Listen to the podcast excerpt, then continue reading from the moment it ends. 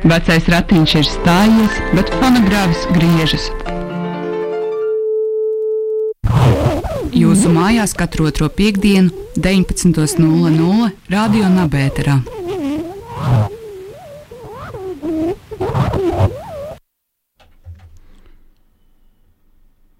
Tagad skaidrot, es grasos, kāds ir cēlonis kaitēm, kā var uzrasties nāvi nesēja slimība pēkšņi uzbrukt ar varanu spēku cilvēku ciltī un lopiem.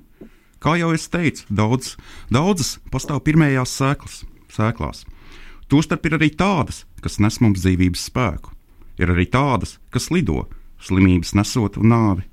Ja nu tās nejaušā kārtā, lielā daudzumā sanāk, kopā un debesis satrauc, gaisā tad slimības rodas. Mēra un slimības sēklas var, var arī no ārienes atnākt, līdzīgi miglām un mākoņiem sēžamās virsū no augšas. Sākumā sajūta cilvēks galvā karstumu kvēlu, acis pietvīka sārtas un īpaši mirdzēt tās sāka. Melns asins dalījās ārā no sāpošās rīklas, briesmīgi augoņi balsī aizņaudza izēju brīvu, mēli, šis doma paudējs, pārplūda asiņu krēpām, vājais sāpēm, kustībā ģengana, skarienam raupja. Vēlāk, kad slimības spēks caur rīkli uzkrājies krūtīs, nokļūstot tālāk cietēji slimnieka skumjajā sirdī, tad jau patiesi sagrūst pašas dzīvības balsti. Briesmīgi smaka no mutes izplūst apkārtnes gaisā. Tāda, kādu mēdz izplatīt pamesta, pūstoša maita. Vāji kļūst vesels spēki, novārkst, ķermenis mokās. Spēks pilnīgi zūd pie paša miršanas sliekšņa, smeldzošas skumjas un bēdas pavada vienmēr šīs mokas, kuras sajaucas kopā ar nopūtām, smagām un vaidiem. Žagas bez miera un mitas, kā naktī tā dienā to rausta, raujot muskuļus visus, tāpat arī locekļus kopā. Nokausē galīgi viņus, kaut, kaut tie jau guruši agrāk. Tomēr nevienu tu nemani pārliekā karstumā svilstam, ne mani ķermeņa virsmu tvīkstam svalošā veicē. Drīzāk tā rokas kārienam tikai rēmdena liekas. Degumiem līdzīgiem augoņiem ķermenis viss nu ir pārklāts, tā it kā locekļi visi degtu ugunī svētā cilvēka iekšas, sāk vēlot līdz pašiem kauliem, kā liesmās.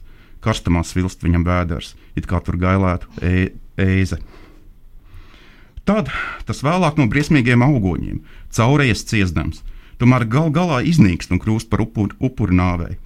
Bieži stiprs, stiprs sāp galva, no slimnieka pilnajām nāsīm, maitāts asins izplūst ārā spēcīgā traumē. Visi cilvēki spēki izzūd un iznīkst tā miesa. Taču kas izglābies būtu no puvuša asiņu plūsmas, tomēr tam slimība iemetas dzīslās un locekļos visos, sasniedzot pat arī pašas ķermeņa dzimuma daļas. Daži uz nāves sliekšņa, stipri bīdamies nomirt, palika dzīvi ar dzelzi sev nogriežot vīriešu daļas. Glabāja juku jukām, kā tik gadījās kaulas, bez kādas cieņas pret svētajām paražām, kādas ir tautām. Steigdamies viens pirms otru apbedīt savējos ātrāk lejot asaras skumji un guruši atpakaļ griezās. Daudz nolikās gulēt aiz lielajām smagajām bēdām. Nebija atrodams tāds, ko šajos smagajos laikos nebūtu ķērus slimība, nāve vai nerimtas bēdas. Tic, lu, tic Lukrēcijas kārs par lietu dabu.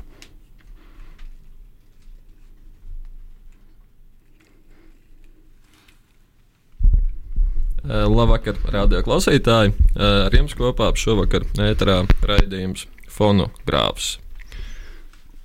Studijā ar jums ir Ainārs Kamoliņš, Andris Hiršs un iespējams arī Andrejs Balodis.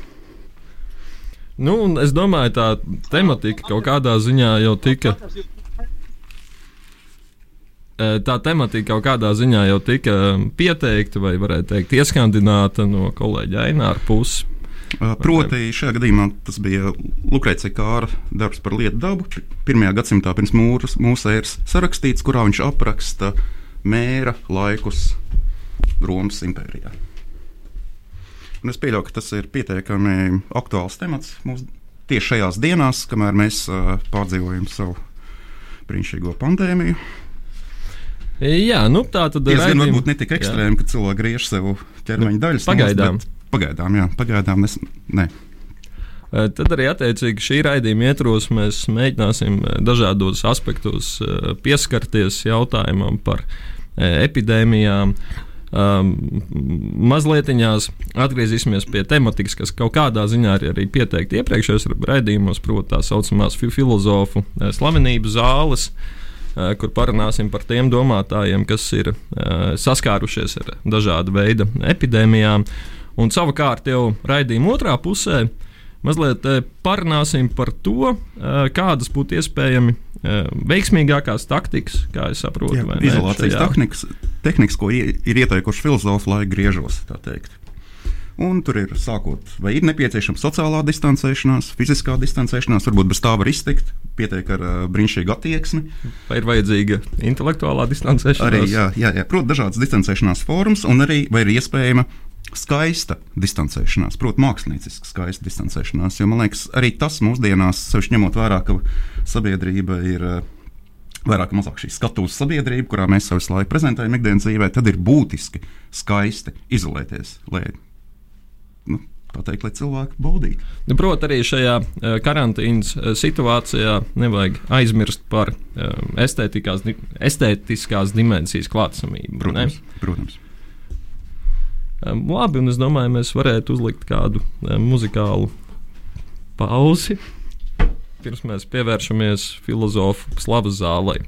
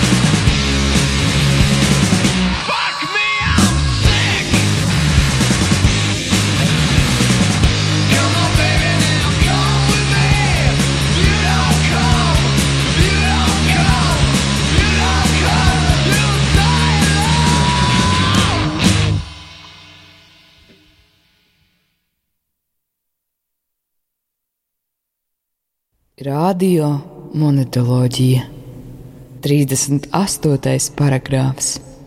Un ir tā, ka lietu gala mērķim jāietveras tādā nepieciešamā substancē, kurā izmaiņu sastāvdaļas kā avotā atrodas vispārākajā pakāpē. Tad tas ir tas, ko mēs saucam par dievu. Fujē meklēja šo dievu, bet tā vietā viņš piepaši aizvien vairāk un vairāk sajūtās apslimis.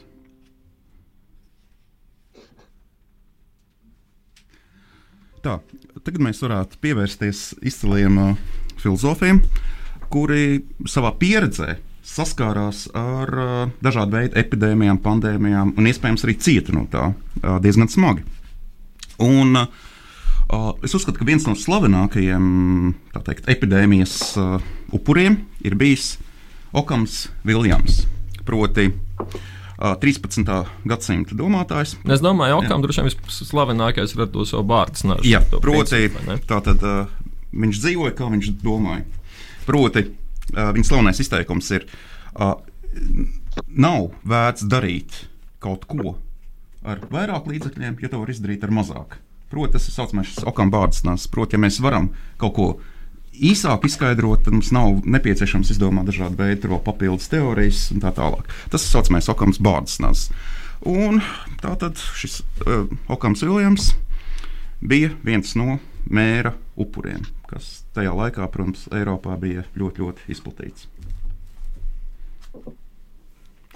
Nu, kā mēs arī esam anotācijā pieteikuši, šī, šīs epidēmijas ir ietekmējušas arī Latvijas um, intelektuālo vēsturi.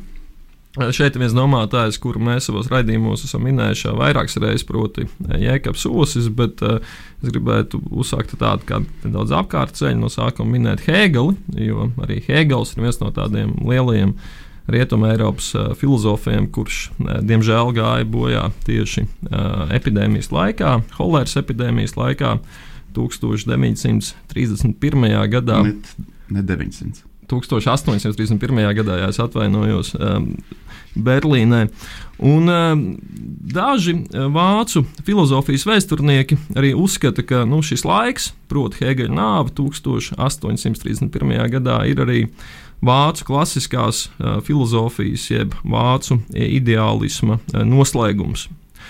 Un es domāju, ka mēs varam uzlūkot pirmā latviešu uh, filozofa nāvi, jeb viņu arī tā interpretēt, kā vēlīnā ideālisma noslēgumu, vismaz attiecībā uz Krievijas impēriju. Un tātad, proti, Osis nomirst 1920. gada martā, Proti, kā reizi patiesībā šobrīd aprit simts gadi kopš oša uh, nāves. Un, uh, Um, šajā gadījumā, nu, protams, 1920. gads, tas ir pilsoņu karš Krievijā, kad izplatās plosā šī tīfa epidēmija. Un arī tajā laikā ir jautājums, kurš pie tā ir vainīgs.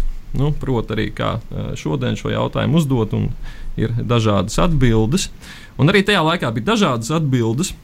Uh, piemēram, viena no atbildības versijām bija, kur savukārt uh, propagandēja marksisti, ka pie tīfa epidēmijas ir vainīgi Baltgvardi, proti, viņi apzināti izplata tīfa epidēmiju, lai mazinātu sarkanās armijas kaujas spāru un kaujas spēju. Uh, bet bija arī cita veida uh, versija, uh, atbildu šo jautājumu, uh, proti, ka vainojams ir ideālisma iztrūkums. Un, šīs atbildes autors ir Oša kolēģis, medicīnas profesors, kurš pasniedz gan Terbatā, gan Moroņežā. Jarockis. Un, uh, viņam ir darbs, kur viņš ir publicējis 1908. gadā ar tādu savdabīgu, interesantu nosaukumu - ideā, ideālisms kā fizioloģisks faktors. Un arī pie šī darba tapšanas uh, Jarotskim ir palīdzējis uh, Osis, kā viņš to norāda savā uh, darba uh, sākumā.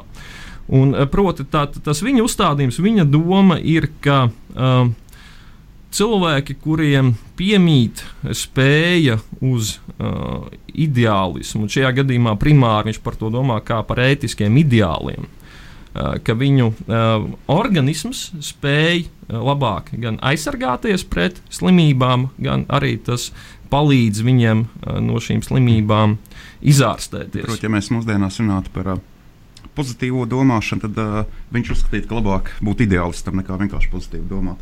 A, ka, kā tu nošķirai ainātu? Uh, nē, nē, tajā nozīmē, ka, piemēram, ir noteikti domāšanas veids, kas uh, ietekmē mūsu ķermeni vai pieņemsim, uh, spēj tā teikt, pretoties labāk uh, dažādiem nelaimēm un tā tālāk. Un, uh, tagad jautājums, kāpēc tieši ideālisms kā, palīdz uzlabot mūsu veselību? Jā, un attiecīgi, priekš, ja rauds, es, es saprotu, ka viņš vairāk balstījās tādos uh, gan arī empiriskos pētījumos. Nu, Protams, no vienas puses viņš ir, saka, ir, nu, ir skaidrs, ka mentālais stāvoklis ietekmē fizioloģisko stāvokli. Nu, par to tur būtu diezgan komplicēti. Nu, droši vien, ka var debatēt, bet viņa skatījumā tas ir acīm redzams fakts. Piemēram, nezinu, tur liela stresa stāvoklī vienas nakts laikā cilvēks var, nezinu, viņam matra palikt balti vai ne, viņš nosirmo piemēram. Tad mēs redzam, ka tas mentālais stāvoklis ietekmē to fizioloģisko. Un tad, ja Rautskis saka, ka vajag spērt šo nākamo soli uh, nu, ārstiem. Un, proti, jāskatās, kā mēs varam ietekmēt šo mentālo stāvokli uh, slimnieka, lai ievirzītu tajā gultnē, lai viņam būtu iespējas uh, labāk atvesaļoties. Un, uh, pēc viņa empiriskajiem novērojumiem, viņa skatījumā, tātad šie cilvēki, kas ir uh, Mm, nav egoistiski orientēti, eh, kuri ir gatavi strādāt kaut kāda augstāka labuma vārdā vai augstāka ideāla dēļ. Ne, tie savukārt, eh, kā, jā, nu, kā jau minēju, veiksmīgāk var tikt galā ar uh, nezinu, arī epidēmijas laikā nesaslimt. Nu, viņš arī min tādu piemēru, ka epidēmijas laikā, un tur arī viņš saka, tas ir pēc viņa novērojumiem, kā ārsta novērojumiem. Uh, Eh, tie, cilvē, tie cilvēki, kas baidās, visvairāk baidās saslimt, tad tie parasti ir tie, kas saslimst. Kāpēc? Tāpēc, ka bailes savukārt arī tāds mentālais stāvoklis, kas negatīvi ietekmē imūnsistēmu. Un tas, ko tātad Ierocis iesaka attiecībā uz epidēmiju un uz epidēmijas laiku, tas, kas būtu jādara, būtu jāmēģina mazināt paniku. Labi, Osim tas palīdzēja. Jā, un tur kaut kādā ziņā, man liekas, ir zināms uh, paradoks, Jo tas Jarotska eh, uzstādījums, viņš izveido to, ko viņš eh, sauc par aratē terapiju. Un tieši šo nosaukumu arī viņam esot palīdzējis izdomāt osis. Un šī aratē terapija nozīmē ne to, ka vajag veicināt slimniekā šos ētiskos ideālus. Un tā viena no axiomām ir, ka eh, cilvēks dzīvo tik ilgi, cik ilgi viņā eksistē šīs ideālistiskās tendences. Un, un, vai gadījumā to, tas, jā. Jā, bet vai gadījumā tas nenozīmē, ka mēs visi mirstam kā materiālisti? Jo faktiski tas arī nozīmē. Tas ir ļoti labs jautājums. Uh, es domāju, ka mēs varētu kaut ko tādu noteikti izsvecināt no šī uh, Jarotska uzstādījuma. Vai Sosim palīdzēja? Uh, acīm redzot, nē, vai ne? Un es iedomājos, ka Jarotsks arī atradās. Boroņģā tajā laikā, kad tur plosījās šī tīfa epidēmija. Tad es iedomājos, kā viņš kā mediķis staigāja pa klinikām, mēģināja ārstēt pacientus, sludinot ētiskos ideālus. Par spīti tam tomēr viņi viens pēc otra nomira, ieskaitot uh, osi. Bet uh, Ieraudzis vēlāk dzīves gaitā kaut kā tomēr savus šos uzstādījumus nav mainījis. Un um, Krievijas intelektuālajā telpā viņi joprojām atcerās un cildina kā šīs ar terapijas aizsācēju. Uh. Es pieļauju, ka arī Andrejam ir kaut kas piebilstams pie eh, filozofiem, kas ir saskārušies ar pandēmiju savas dzīves laikā. La, labs vakars jūs mājās. Es ceru, ka jūs man dzirdat. Tā, Andrejs mums ir karantīnā. Tas nozīmē, ka viņš tagad var mūs uzrunāt. Uh, labs vakars, vai jūs man vai jūs dzirdat? Es, es tev dzirdu, Andrej. Jā. Jautājums, vai man dzird arī radio klausītāji? To mēs uzzināsim pēc uh, nesošām reakcijām. mēs esam ideālisti pagaidām, jo mēs tomēr esam pie dzīvības. Cerēsim uz labāko. Jā, es ceru, ka sakari uzturēsies pietiekami labi, jo fonogrāfa trešais dalībnieks atrodas pašizolācijā, karantīnā. Un uh, es ļoti novērtēju jūsu sākumu ar Lukrēciju Kāru, kas, manuprāt, ir pelnījis arī uh, lielāku uzmanību mūsdienās. Uh, arī no Latvijas mēdījiem, kur viņi lasa dažādus uh, dekamerona gabalus vai uh, kā mīmēri. Es domāju, Lukrēcija Kāru noteikti vajag lasīt. Uh, bet uh, mana piebilde pie slavas zāles, papildinot mazliet uh, latviešu tēmu. Uh, Oša skolnieks uh, Pauls Jurēvičs arī uh, piedzīvoja epidēmiju. Tieši tāpat kā Osis, viņš dzīvoja tīpa epidēmijas laikā. Viņš bija tajā laikā Ziemeļkaukazā, kuros gados, kuros gados aptuveni? Nu, pēc, otrā, pēc Pirmā pasaules kara. Jā, 1918. gadā viņš devās uz uh, Ziemeļkaukāzu. Nu, Protams, tas ir tas pats tīfa epidēmijas vilnis. Ja? O, nu, es pieļauju, ka jā, nu, pēc Pirmā pasaules kara. Uh, un uh, nu, Paulam, Paulam Jurevičam paveicās, jo viņš tā kā tajā ciemā, kur viņš bija, tā epidēmija bija, bet viņi izdzīvoja, pārdzīvoja un atgriezās, uh, atgriezās pēc tam uh, Latvijā. Jurevičs arī atcerās, ka tikko Baltija pametā to ciemu, uh, uzreiz izcēlās epidēmija. Tā kā varbūt tas saskata to versiju, ka tomēr tie Baltie kaut kādā ziņā bija vainīgi, iespējams. Nē, nevis vainīgi. Baltie bija ideālisti. Viņi uzturēja tieši to, ka tur nav tīfa epidēmija. Atnāca bolševiku materiālisti. Viss. Atnāk epidēmija. Bet ir vēl viens autors, ko es vēlētos pieminēt uh, Slavas zāles sakarā.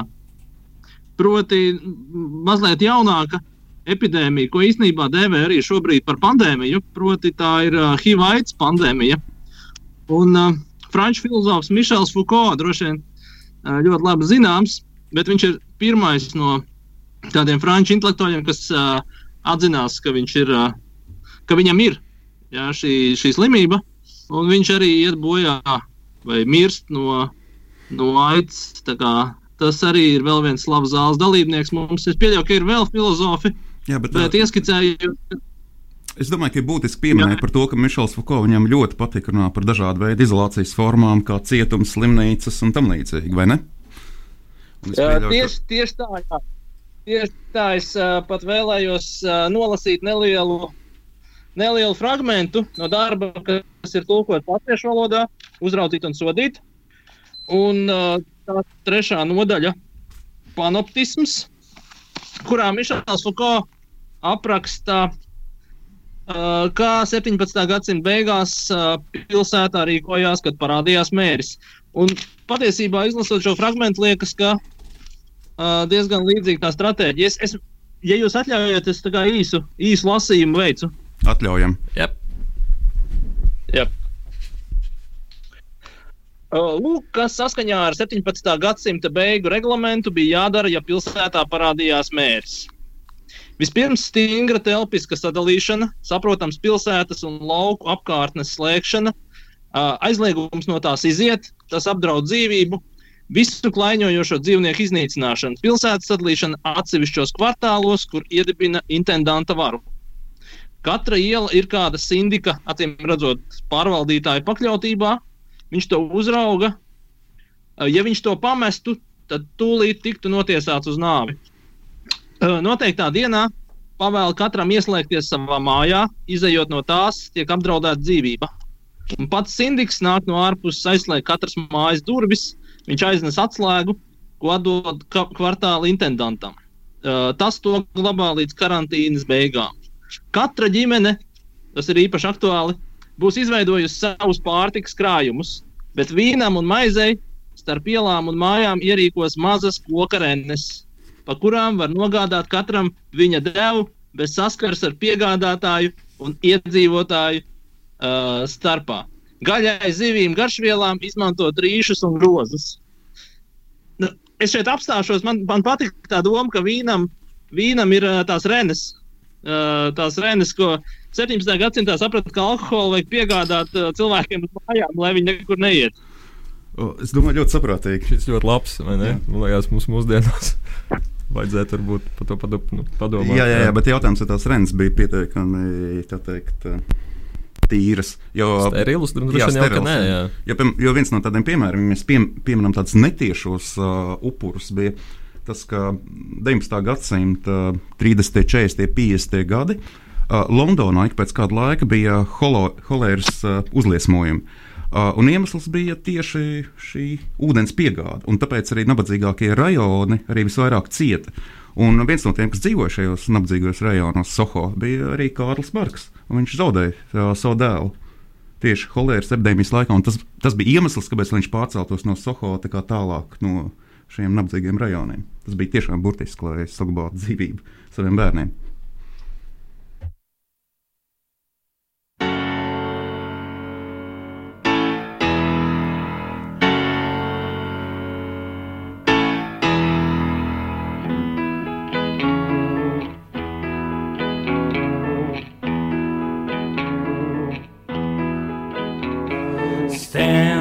Waiting for a man to show.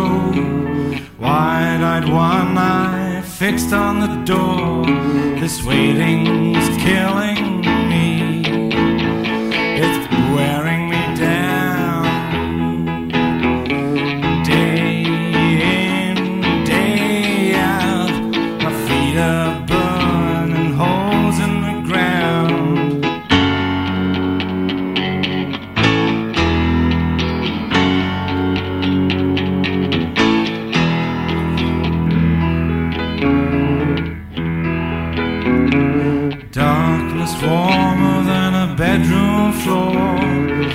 someone to hold me close forevermore.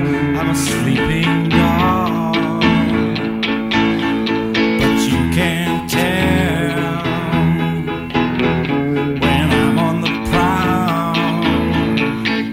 You better run like hell.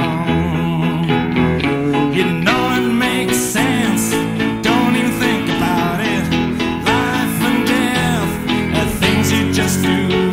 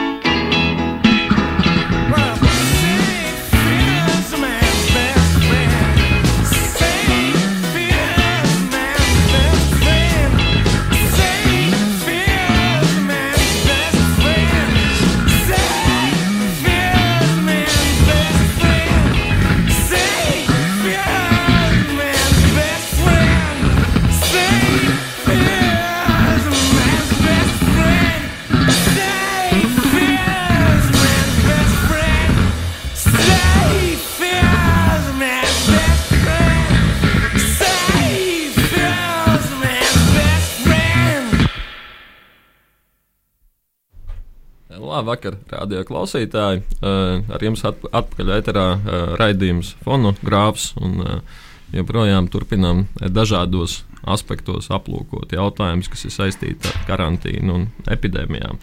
Un, kā es saprotu, tagad mēs vairāk pievērsīsimies antīkās filozofijas eh, pieredzei.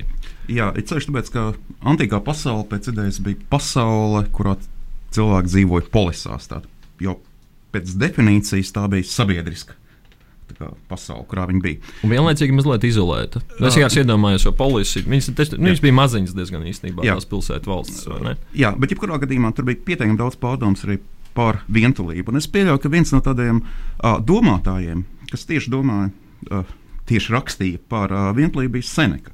Uh, kurš ir zināms kā stoiķis, proti, ka jāpieņem liktenis, kāds tas ir un tā tālāk. Un ir ļoti interesanti, ka viņš, kad viņš raksta savus vēstules Lucīlijam, uh, viņš uh, it kā norāda, ka pēc idejas jau gudrajam pietiek pašam ar sevi, lai dzīvotu laimīgi. Un uh, dzīvošanai viņam daudz, daudz kas vajadzīgs. Laimīgai dzīvei tikai prātīgs, taisns, likteni nicinātāja gars. Proti, tomēr tas nenozīmē, ka dzīvošanai vajadzētu būt vienkārši vientulībā saskaņā ar Seneku, jo viņš vēršas pret epikūru, kurš, piemēram, uzskata, ka piemēram, draudzība vai kaut kas tamlīdzīgs, vienmēr ir balstīts uz kaut kādu noteiktu veidu izdevīgumu. Tas ir pamats draudzībai. Saskaņā ar epikūru. Ne, ko nozīmē izdevīgums? Uh, burtiski- mazināt, mazināt ciešanas. Uh, Nu, izd- kad draugi tev Jā. palīdz mazināt dzīves ciešanas, Jā. tas ir izdevīgums, nu kaut Nē, kādā nē, nē, ziņā nē. tu vari tā Uh, interpretēt. Tur vēl, bet- prec, vēl precīzāks piemērs bija, jo, kad Seneka runā par to, kāpēc, nevis Seneka, bet epkuršanā, kāpēc mums vajadzīgi tie draugi, pamatā viņš tieši piemin, ka, piemēram, draugus vajag, nu, ja tu piepaši kļūsti slims, nespējīgs, nevarīgs, tad tev ir vismaz pie kā vērsties. Protams, šajā nozīmē izdevīgums. Savukārt, Seneka savukārt vērš pret šādu izdevīgumu argumentu. Viņš saka, ka draudzība vispār ir dabiska tieksme. Un tad viņš raksta. Tāpat kā viņš mums, Epikūrs arī to sauc par dabisku. Ne, labi, viņš to pieskaita pie dabiskajām nepieciešamajām vajadzībām. Jā, bet, bet, bet reizē viņš arī savā atziņā raksta, tas ir balstīts uz izdevīgumu. Arī būtiski. Bet labi. Un tad Seneka raksta, tāpat kā mums nīstama vientulība un piemīt tieksme pēc sabiedrības, tāpat kā pati daba vieno cilvēku ar cilvēku, tā arī te pastāv ieries, ierosme tiekties pēc draudzības. Bet te ir viena tāda maza, maza uh, lieta, kuras Seneka uh, brīdina. Proti, ka vientuļu drīkst atstāt tikai saprātīgu cilvēku. Un tad viņš uh, raksta, parasti uzmanām cilvēku bēdās vai bailēs, lai viņš neizmanto vientulību se- sev par ļaunu. Un vispār nedrīkst nevienu nesaprātīgu cilvēku atstāt paša ziņā, jo tad viņš periņķi ļaunus nodomus, gatavo briesmas citiem vai sev. Tad viņam cita pēc cita rodas dažādas nekrietnas vēlmes, un dvēsele atsadz visu, ko bija slēpusi aiz bailēm vai kauna. Tad tā sakāpina pārdrošību, sakairina iekāri, iededz dusmas.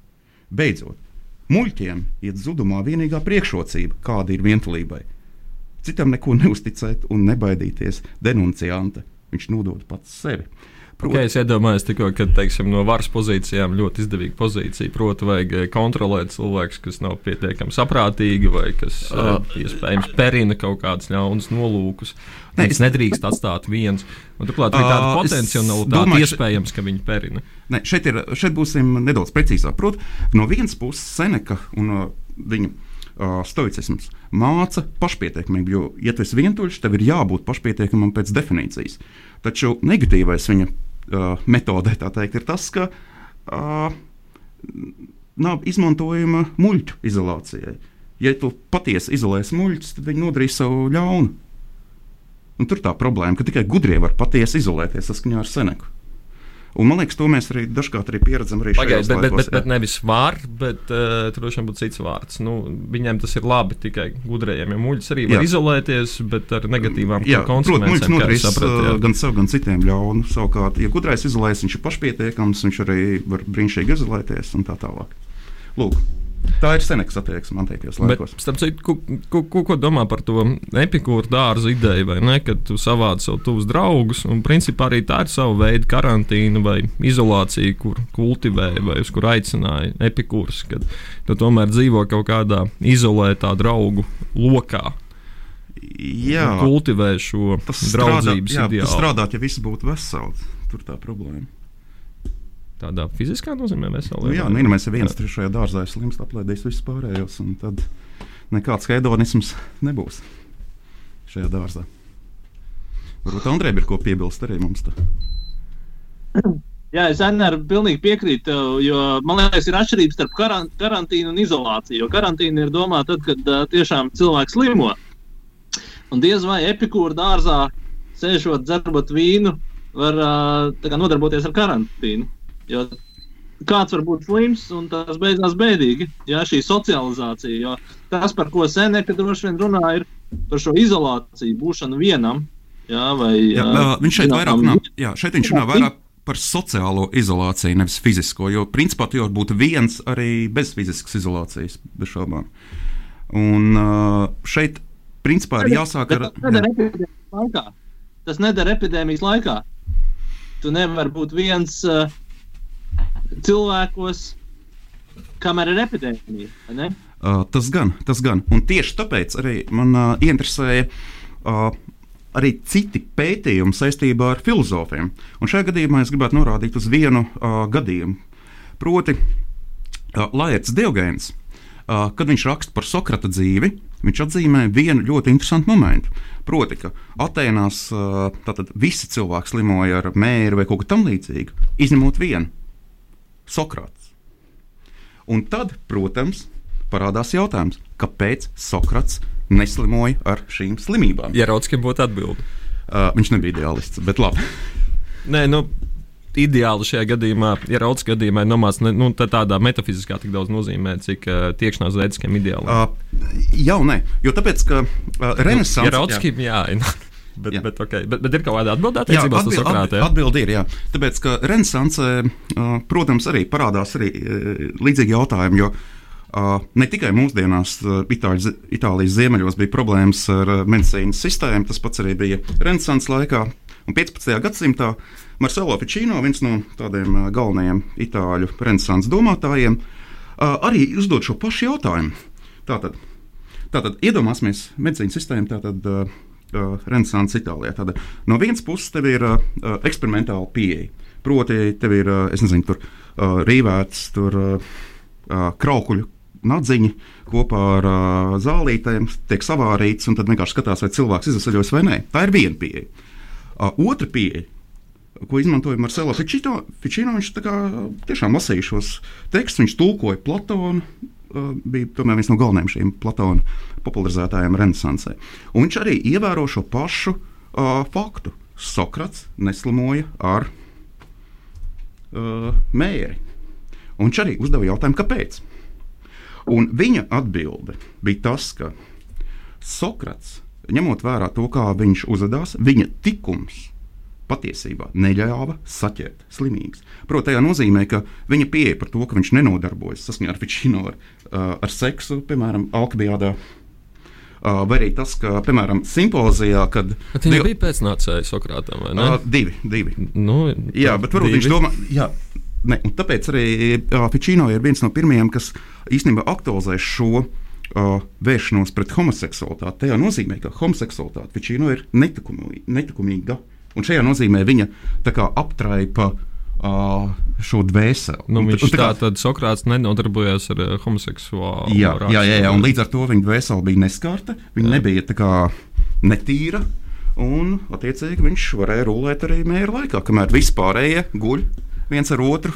Bet tā, ir, tā, tā nav tāda kristīgā pozīcija, vai ne? Vairāk, Uh, vai? nedaudz ir, bet Jā. uh, tā, tā ir tāda platoniska kristīga. Jo Ficino, starp citu, arī ir tas, kurš izdomā šo vārdu kopu platoniskā mīlestība, starp citu, kur mēs tagad skatāmies kā šo nefizisko mīlestību. Un viņa prāt, uh, šī nefiziskā mīlestība arī ļauj mums izvairīties no dažādām šīm slimībām. Un, ja kādam ļoti interesē, tad uh, 1479. gadā Marcelo, Marcelo Ficino uzraksta darbu Consigilio contra la pestilentija, kas ir tieši šīs Sokrātiskā tikuma uh, aplūkojums tieši mēra kontekstā.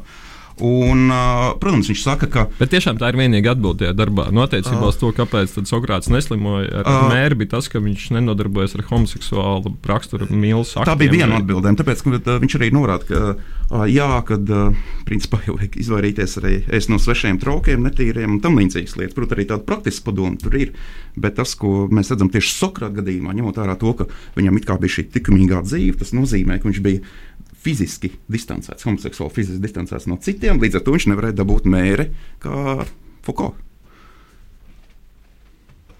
Uh, Vai, vai Andrejam ir ko piebilst pie, pie, pie šī stāstījuma? Vai? nu, man ir eh, varbūt kāda piebilde, jo man liekas, ka, teiksim, ja skatāmies filozofijas vēsturē, mēs redzam, ir uh, slimīgi filozofi, nu, tādā ziņā fiziski slimīgi, un ir veselīgi. Un iespējams, Sokrats bija ļoti veselīgs, viņam bija ļoti laba imunitāte. nu, viņš bija tīrs, viņš arī bija tīrs. Tur tā būtiskā lieta. Mums šajos laikos jāsaglabā tīrība. As- Atšķirībā no Nīča, piemēram, kurš tādā gadījumā, acīm redzot, bija netīrs. Diezgan, nu, nu viņš pasties. Nu.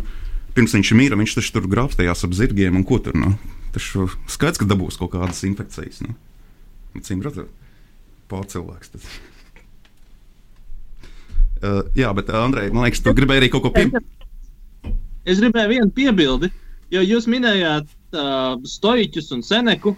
Un tad pirms tam mums izskanēja Lukrēcijas kārs un tika pieminēts arī epikūrs. Tad šīs divas uh, pozīcijas uh, kaut kādā ziņā salīdzināt. Jo nu, stoiķi saka, mums nevajadzētu īpaši uztraukties uh, vai domāt par slimībām.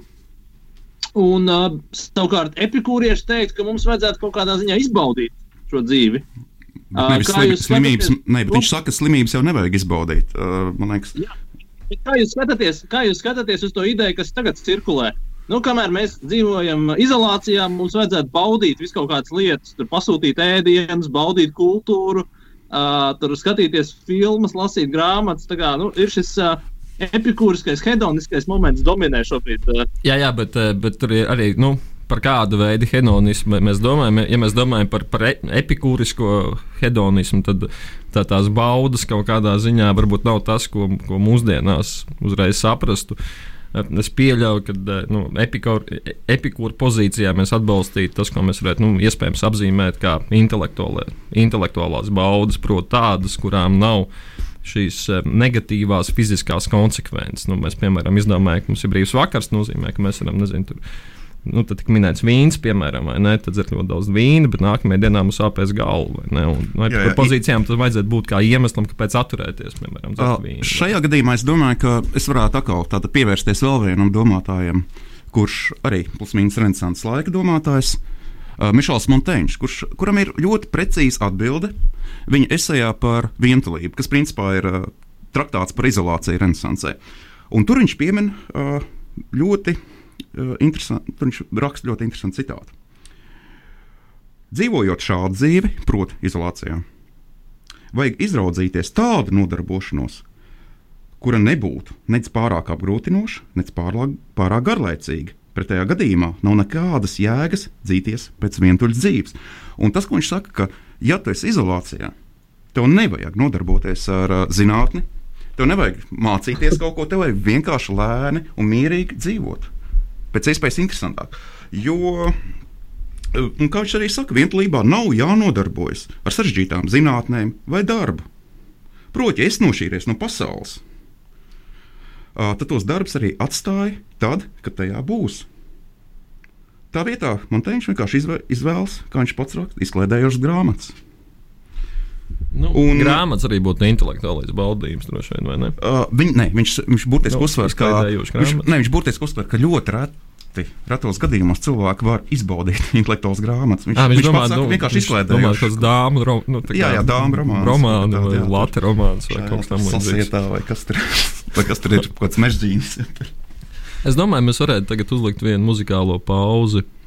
vai ne? Un droši vien pēc tam atgriezties pie šīs tematikas. Bet pirms tam viena maza piezīme. Vientulība un izolācija ir vienmēr saistīta ar noteiktu vei- veidu brīvību. Un Monteņš raksta, mums piemīt vesela, kas spēj biedroties pati ar sevi. Tā spēj būt kompānija pati sev. Te ir kam uzbrukt un ko aizstāvēt, te ir ko saņemt un ko dot. Man nav jābaidās, ka šajā vientulībā mēs nonāksim garlaicīgā bezdarbībā. Un atkal man teiņš uh, atbalsta to, ka, ja tu ej izolācijā, tad esi vismaz interesants pats sev. Thank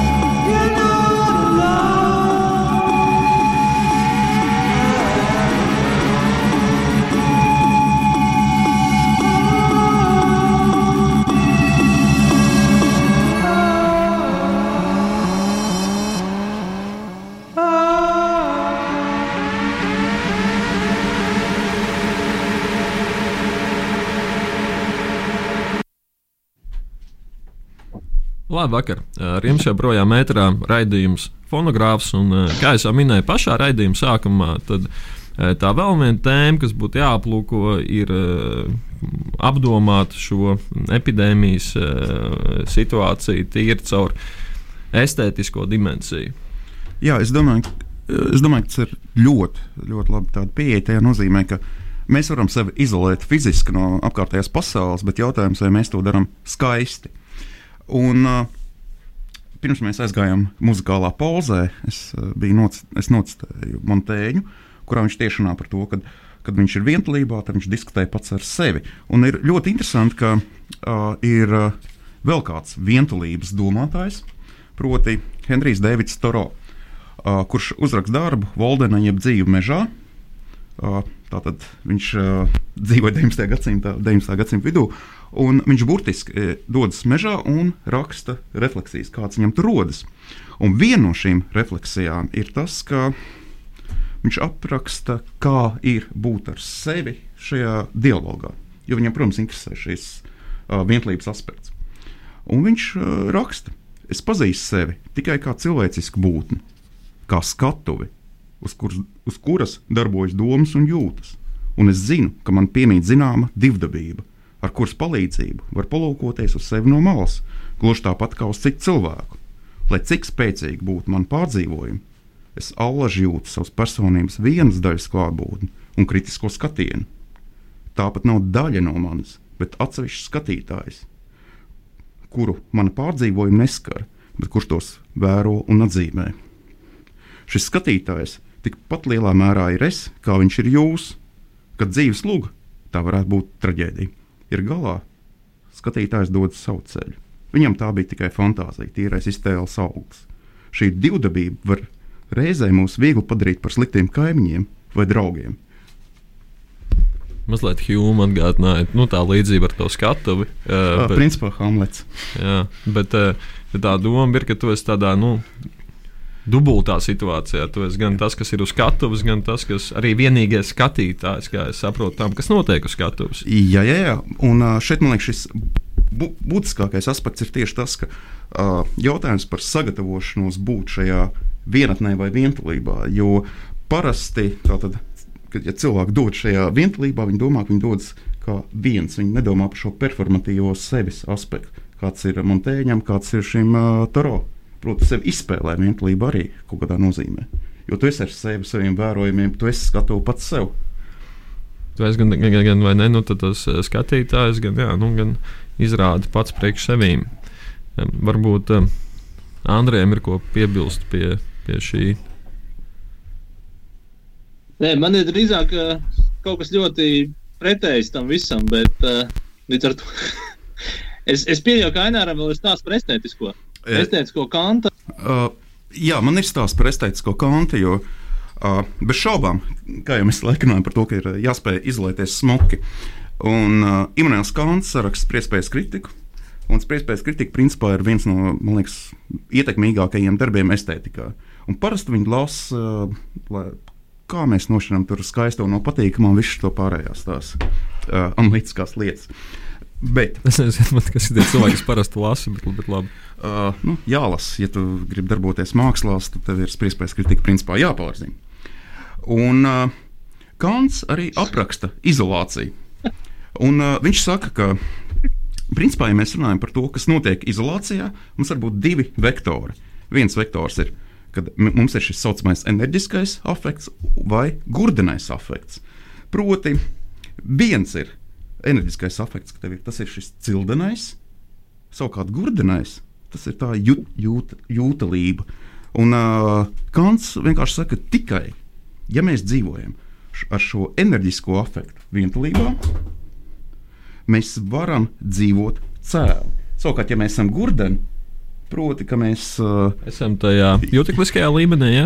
uh, jūtalības, nevis jūtalības, Ma- jūtalības, bet Mazliet tad Ainārs paskaidro, kā, kā tu izproti to jūteklības līmeni. jūtalība, nevis Jū- jūtalība. Jūtelības līmeni. Uh, tātad šis jūtalība ir, uh, es pat citēšu.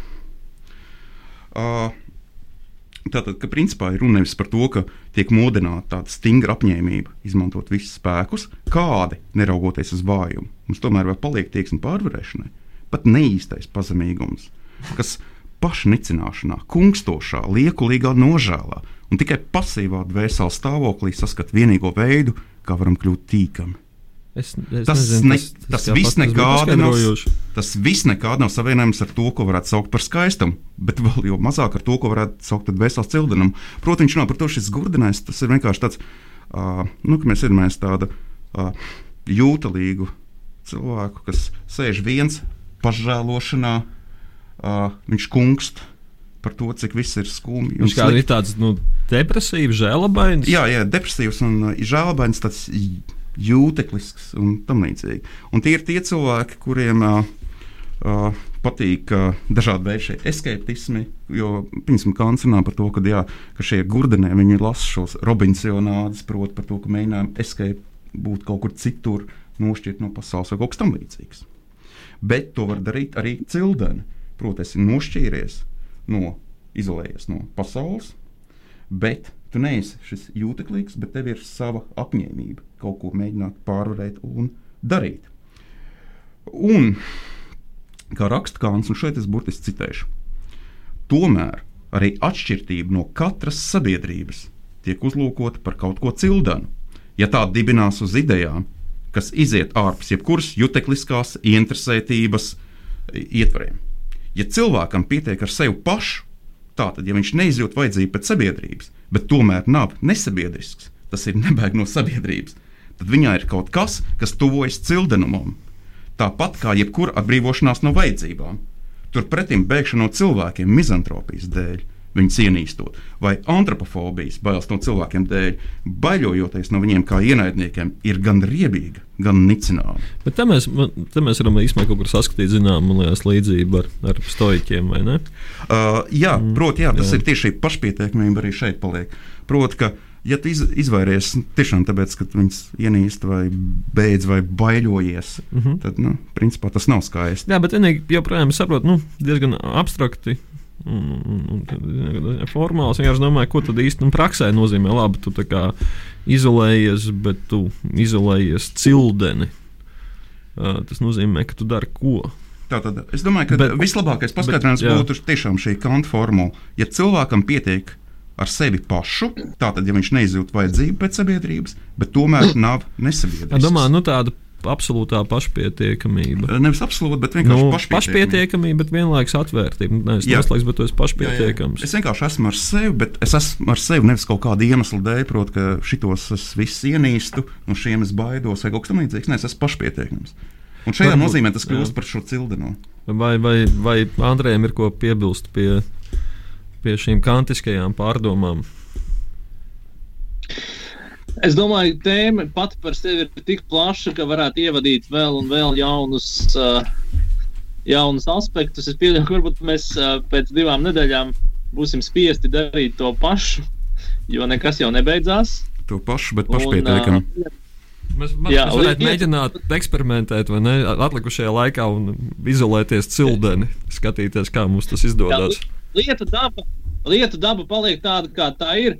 Man šeit un šodien pietrūka mazliet protestantiskās dimensijas, un man uz galda stāv uh, Sērena Kirkegora uh, darbs slimību nāvi. Bet uh, nosaukums ļoti pesimistisks, bet uh, Kirkegors saka, ka slimību uz nāvi ir kaut kas tāds, ko mēs vienmēr varam pārvarēt. Un, uh, no vienas puses mums nevajadzētu uztraukties par slimībām, jo tas nav būtiski. Mēs Domā, varam paļauties Fiziskām slimībām, fiziskām. Mums Jā, tieši jāuztraucās. tā, jo tā, tās nav uz nāvi. Mums uz ir par dvēseli. jā. Jā, tieši tā. Bet es pieļauju, ka mums vajadzētu atvadīties un, uh, un uh, apsolīt uh, klausītājiem, ka mēs atgriezīsimies pēc divām nedēļām. Jā. Un mēs vēlamies arī izvesaļošanos dažiem personāžiem, es saprotu, bet to jūs no studijas varat pateikt, kam mēs vēlamies izvesaļošanos un noslēdzam ar dziesmu droši vien. Izvesaļo- Nē, mēs vēlamies izvesaļoš- izvesaļošanos visiem slimajiem, bet šajā gadījumā tā tad, lai Rāmsteins vēl ilgi dzied, jo arī viņiem ir, diemžēl, koronavīruss.